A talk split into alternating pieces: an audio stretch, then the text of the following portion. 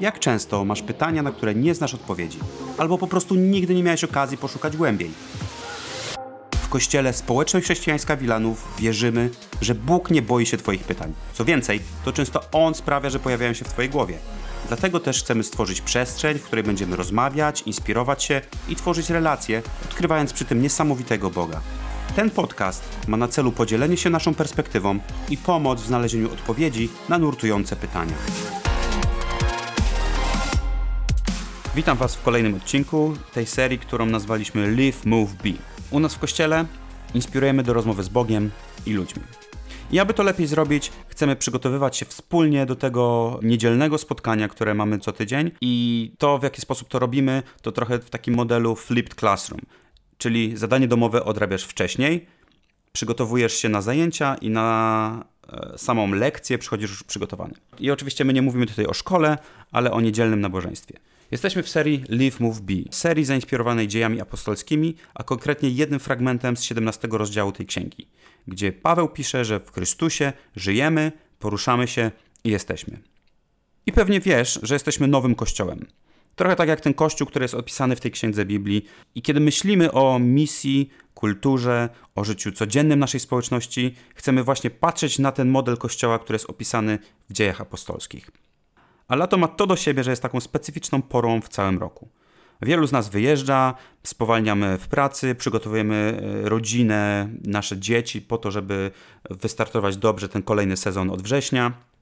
I rozumiejąc to, my także jako Kościół szukamy możliwości, aby w tym okresie trochę pożyć, żeby trochę się poruszać i żeby po prostu być. Może znaleźć odrobinę czasu na odpoczynek gdzieś na plaży, w górach, jak to woli. Ale wracając do tematu tego odcinka, może od razu przenieśmy się do czwartego rozdziału dziejów apostolskich. W poprzednim tygodniu towarzyszyliśmy Piotrowi i Janowi, którzy znaleźli się w centrum wielkiego miasta Jerozolima. Są otoczeni tłumem gapiów, po tym jak w cudowny sposób uzdrowili człowieka chromego, czyli kulawego mężczyznę, e, i mężczyzna zaczął chodzić. Ludzie są w szoku. Piotr wygłasza kolejne kazanie o Ewangelii Jezusa i o tym, że przychodzi odnowienie i wytchnienie. Pokazuje przy tym kontekst historyczny, opisuje proroków, którzy wspólnie z Bogiem od lat towarzyszyli w jego misji uratowania człowieka i tym samym inspiruje nas do tego, abyśmy też do tej misji dołączyli. I to mniej więcej jest temat z zeszłego tygodnia. Jeżeli jeszcze nie miałeś okazji posłuchać tamtego odcinka, to sugeruję, żebyś zatrzymał się, przesłuchał najpierw tamto, a później wrócił i lepiej zrozumiał to, o czym będziemy dzisiaj rozmawiać. I przez te wakacje nabożeństwa są trochę inne.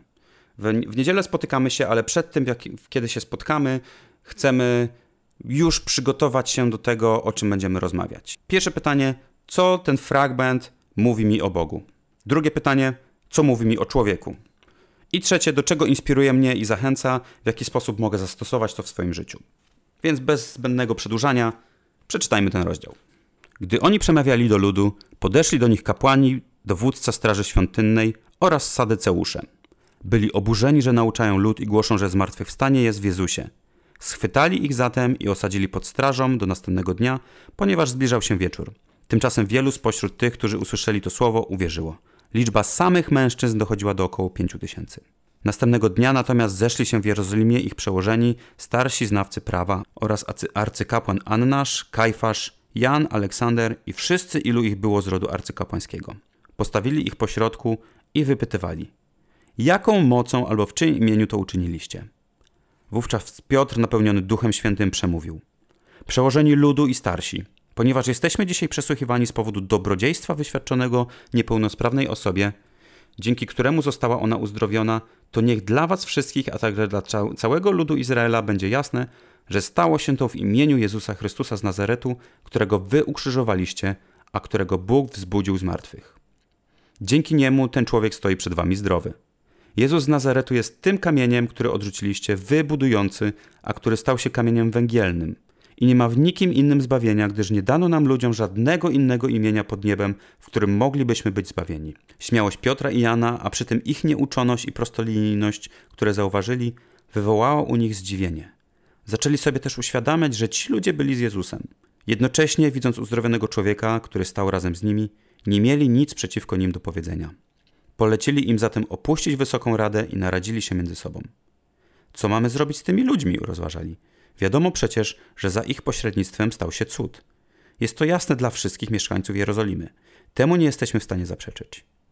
Nie możemy jednak dopuścić, aby się to między ludem jeszcze bardziej rozniosło, dlatego zakażmy im surowo, aby w tym imieniu już więcej do nikogo nie przemawiali. Wezwali ich więc i nakazali, aby nawet nie próbowali mówić lub nauczać w imieniu Jezusa.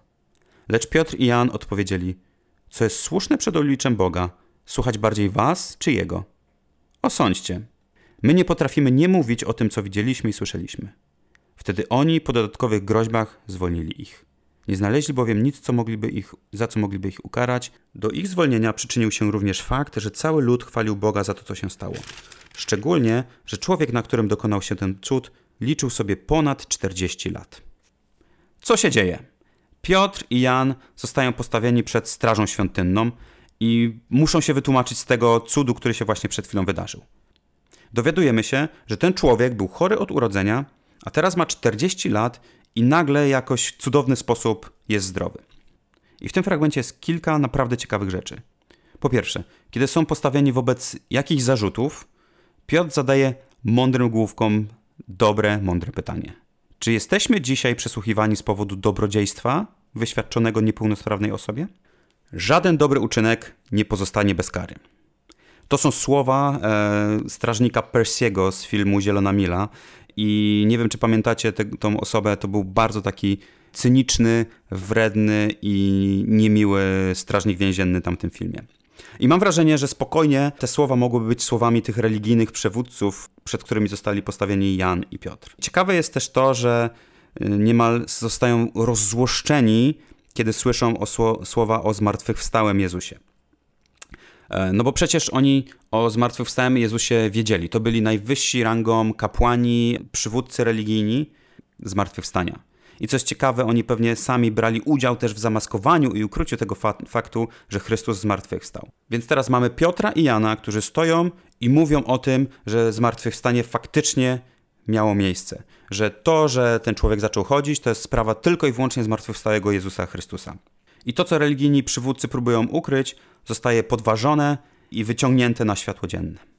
Inną zdumiewającą rzeczą jest sama odwaga Piotra i Jana w tej sytuacji, którzy nie boją się mówić o tym, zdając sobie zapewne sprawę z tego, że mogą mieć z tego powodu naprawdę duże nieprzyjemności.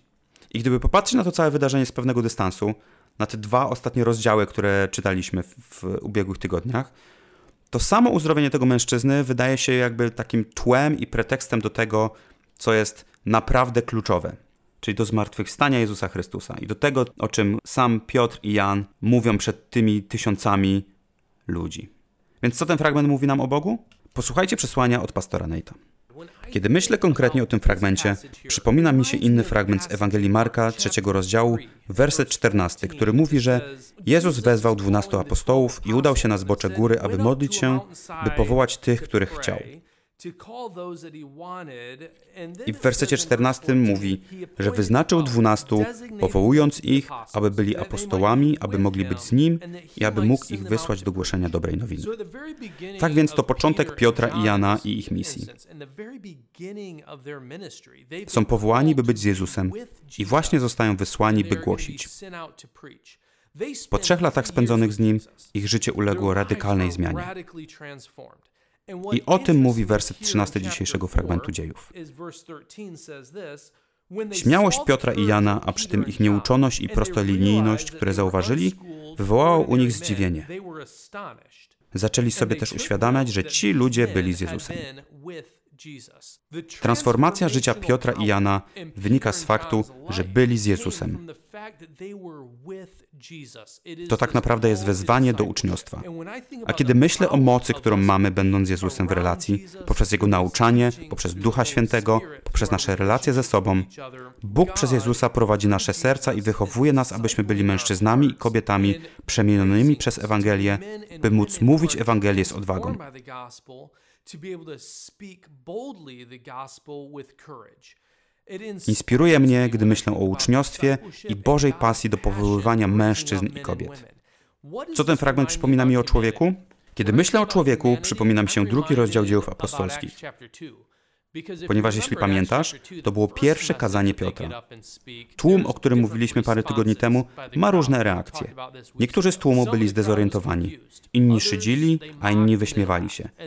Byli też ci, którzy uwierzyli. A teraz w tym fragmencie widzę jeszcze jedną grupę ludzi. To ci, którzy są wrogo nastawieni.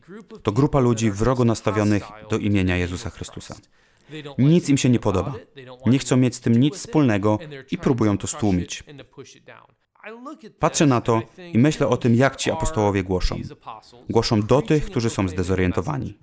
Dla niektórych, którzy szydzą i śmieją się. No i teraz głoszą do tych wrogich. Ale pomimo to w wersecie czwartym czytamy, że wielu, którzy słyszeli tę wiadomość, uwierzyło i tego dnia liczba mężczyzn wzrosła do około pięciu tysięcy. Nawet pośród wrogich i drwiących ludzi zawsze będą tacy, którzy uwierzą. Ci, którzy zostali zainspirowani przez Boga, aby zrozumieć przesłanie Chrystusa. Myślę o tym w kontekście tamtego kazania, jak i tego, że dziś może to być obraźliwe, kiedy o tym myślę. Jest tutaj napisane: I nie ma w nikim innym zbawienia, gdyż nie dano nam ludziom żadnego imienia pod niebem, w którym moglibyśmy być zbawieni. To werset, który jest sprzeczny z niemal każdą religią lub ideą. Nie daje przestrzeni dla ludzi, by mogli znaleźć inną własną drogę do Boga. Nie pozwala na to, by istniała jakakolwiek koncepcja wszystkich religii równych sobie. Kiedyś słyszałem takie stwierdzenie, że wszystkie religie są po prostu różnymi ścieżkami prowadzącymi na tę samą górę. No nie. A co mnie inspiruje? Myślę o tym, jak Piotr i Jan argumentują swoje odczucia. To jest ciekawy sposób, w jaki to sformułowali. Powiedzieli w wersecie dziewiątym: Ponieważ jesteśmy dzisiaj przesłuchiwani z powodu dobrodziejstwa wyświadczonego niepełnosprawnej osobie. Interesujące jest dla mnie to, że postrzegają to jako akt dobroci. Dla mnie aktem dobroci jest pomoc starszej pani w przejściu przez ulicę.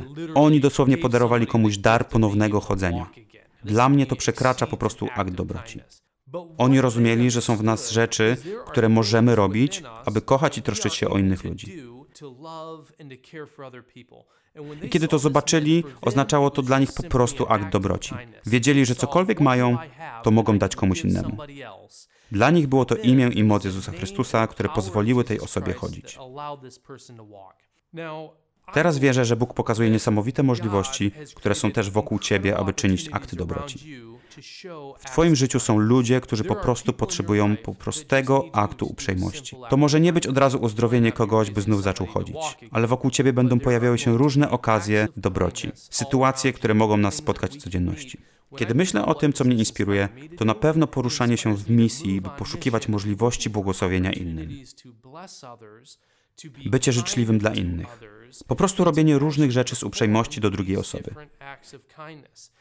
Jedno, z czego zdaję sobie sprawę, to to, że akt dobroci nie wystarczy. Musi za tym iść Ewangelia. Czasami łatwiej jest nam wykonać akt uprzejmości, niż w rzeczywistości podzielić się z kimś Ewangelią. Wolelibyśmy komuś pomóc, niż zachęcić go do zrozumienia mocy tego, kim jest Jezus. Inspiruje mnie to do zrobienia dwóch rzeczy. Po pierwsze, inspiruje mnie to do trwania w misji poprzez angażowanie się w rzeczy dobre ale jestem zainspirowany także do odwagi, by móc głosić, aby móc powiedzieć: Słuchaj, powodem, dla którego robię to, co robię, nie jest tylko to, że jestem miłym facetem. To z powodu tego, co Chrystus uczynił w moim życiu i dzięki mocy, którą daje mi, bym kochał ludzi. Wierzę, że w naszym kościele, jak i w naszym świecie, potrzebujemy więcej takich aktów życzliwości. Ale za nimi musi iść Ewangelia. Nie obchodzi mnie, jakie cudowne rzeczy robisz, jak niesamowity masz wpływ. Te dobre uczynki, które wykonujesz, jeśli nie są połączone z głoszeniem Ewangelii i dzieleniem się miłością i mocą Chrystusa, dla mnie są po prostu miłymi rzeczami. Tak więc chciałbym zachęcić Was jako Kościół i zachęcić siebie, abyśmy szukali inspiracji. Gdziekolwiek jesteśmy, w Wilanowie, w Warszawie, w pracy czy gdziekolwiek indziej, byśmy szukali możliwości działania, kierowania się dobrocią i byśmy wykorzystywali te okazje, aby dzielić się Ewangelią. To było krótkie przesłanie pastora Nate'a. Wierzę, że również będziecie mieli inspirujące myśli, jak również same dyskusje podczas niedzielnego przedpołudnia. Pamiętaj, żeby przeczytać fragment czwartego rozdziału dziejów apostolskich i odpowiedzieć na te trzy pytania, które pozwolą nam przygotować się do niedzielnego spotkania. Po pierwsze, co dany fragment mówi o Bogu? Co mówi o człowieku? I do czego inspiruje i zachęca nas? W jaki sposób możemy zastosować te prawdy w naszym życiu.